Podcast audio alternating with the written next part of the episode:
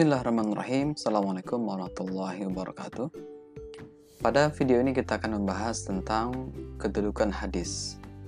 Sebagaimana kita ketahui bahwa dalam agama kita, agama Islam Kita meyakini dan memahami bahwa As-Sunnah merupakan sumber hukum Islam selain Al-Quran ya. Jadi dalam agama kita sumber hukum itu yang utama adalah Al-Quran dan As-Sunnah ya Kemudian bagaimana uh, penjelasannya ya, tentang sunnah ini? Dia yang pertama fungsi sunnah itu sebagai penjelas terhadap Al-Quran. Kenapa?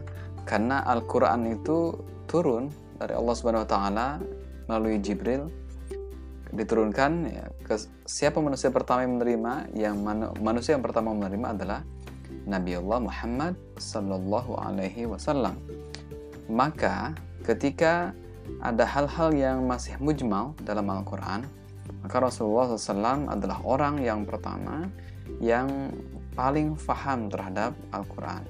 Maka beliau kemudian digelari dengan Al-Mufassir Al-Ula. Kemudian penjelasan-penjelasan dari Rasulullah SAW itu kemudian kita ketahui sebagai khobar, sebagai hadis atau sebagai sunnah begitu.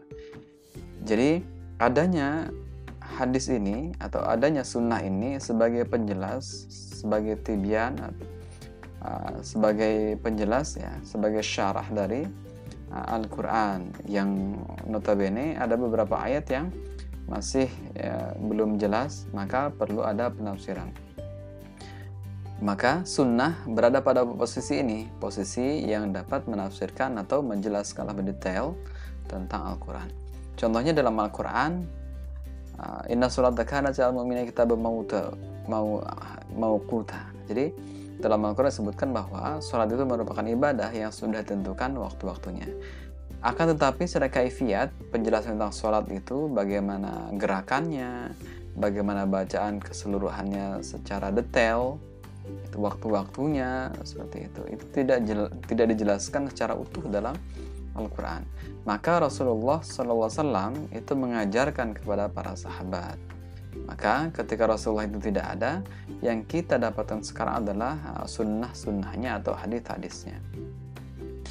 Berikutnya kita uh, masuk ke bagian uh, bahwa hadis ini dari segi kehujahan itu sifatnya relatif ya.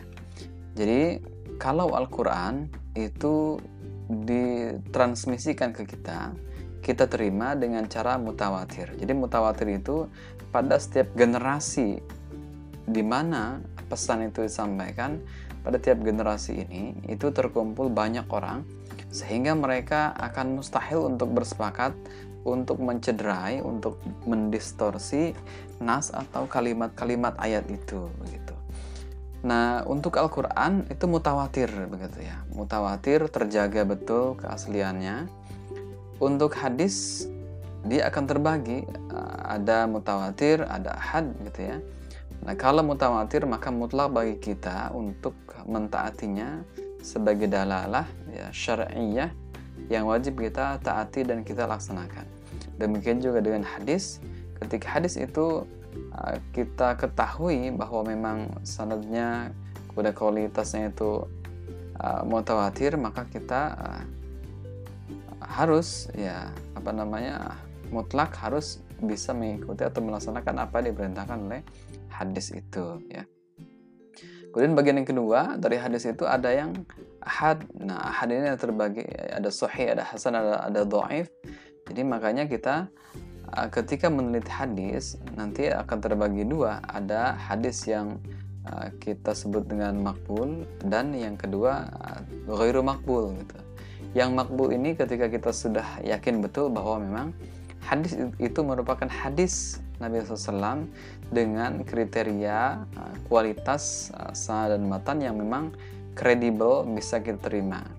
Adapun ketika kita ketika setelah kita teliti ternyata ini kedudukan hadisnya lemah dan kita tidak bisa gunakan uh, dalam uh, dalam hal ibadah ataupun uh, furu'iyah maupun usuliyah maka kita harus bisa menyampingkan kita bisa berhati-hati ya tidak bisa menjadikan hadis yang yang dhaif ini yang dhaif ya. Dan kadar yang memang dhaif betul maka kita tidak bisa menggunakannya. Kembali lagi bahwa uh, kebenaran sunnah ini relatif tergantung nanti uh, ketika kita takhriz ya. Berikutnya yang kedua dalil tentang kehujahan al-hadis nah dari yang pertama dari Al-Quran bahwa konsekuensi iman kepada Allah adalah adalah taat kepadanya. Jadi kalau kita taat kepada Allah, maka kita pun harus taat kepada apa yang disampaikan oleh Rasulullah SAW ketika ketika yang disampaikan oleh Rasulullah SAW itu adalah berbasis wahyu.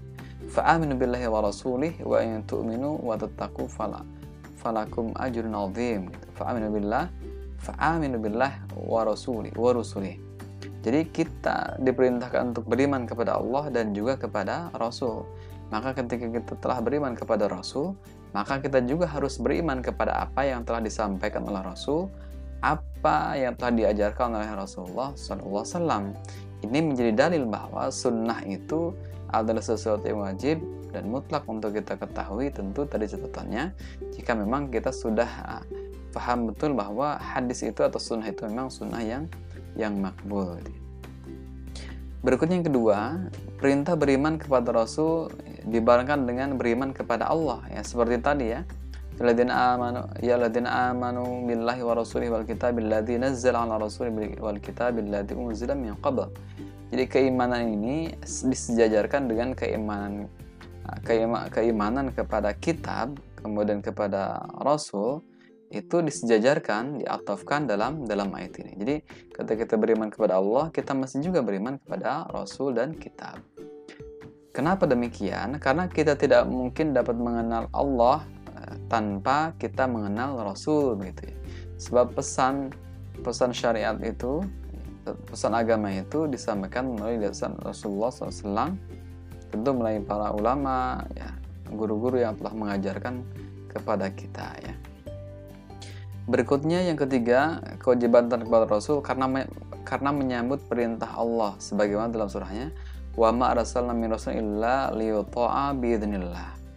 Jadi ini perintah Allah Allah Subhanahu wa taala yang menyatakan bahwa ketika Rasul diutus oleh Allah Subhanahu wa taala itu untuk kita taati dengan izin Allah Subhanahu wa taala. Jadi ketaatan kita kepada kepada Rasul itu karena memang Allah Subhanahu wa taala memerintahkan kita untuk taat kepada Rasul.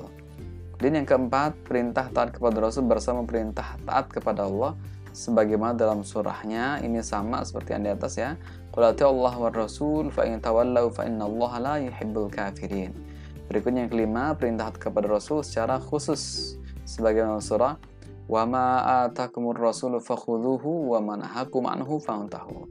Ayat ini lebih spesifik Ah, memerintahkan kepada kita untuk selalu taat, untuk selalu mengikuti apa-apa yang telah diperintahkan oleh Rasul dan kita pun diperintahkan untuk menjauhi apa saja yang telah dilarang oleh Rasulullah Sallallahu Alaihi.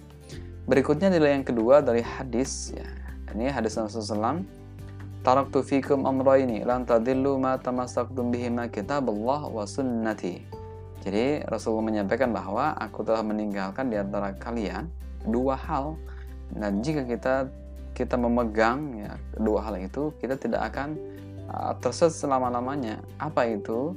Kitab Allah wa sunnati. Jadi kitab Allah atau Al-Quran. Kemudian yang kedua sunnahnya. Sunnah itu atau hadis ini. Berikutnya, kenapa hadis atau sunnah itu menjadi uh, sumber hukum Islam? Sumber hukum agama kita? Ah, selain tadi dari dalil Al-Quran maupun Al-Hadis maka yang ketiga ini ini merupakan konsensus, konsensus kesepakatan atau izma para ulama yang menyatakan bahwa memang hadis itu menjadi sumber hukum Islam gitu ya. Ini ada beberapa pendapat dari Imam Ash-Syafi'i, Imam As-Suyuti, Ash-Shawkani juga yang senada ya seperti itu. Kemudian kesimpulannya bahwa para ulama sepakat bahwa sunnah sebagai hujah semua umat Islam menerima dan mengikutinya kecuali sekelompok minoritas orang. Jadi ada orang-orang yang tidak mau menjadikan hadis sebagai sumber hukumnya. Nanti akan kita bahas pembahasan ingkarus sunnah ya. Kemudian yang B, kehujan sunnah ada kalanya sebagai mubayyin, penjelas terhadap Al-Quran.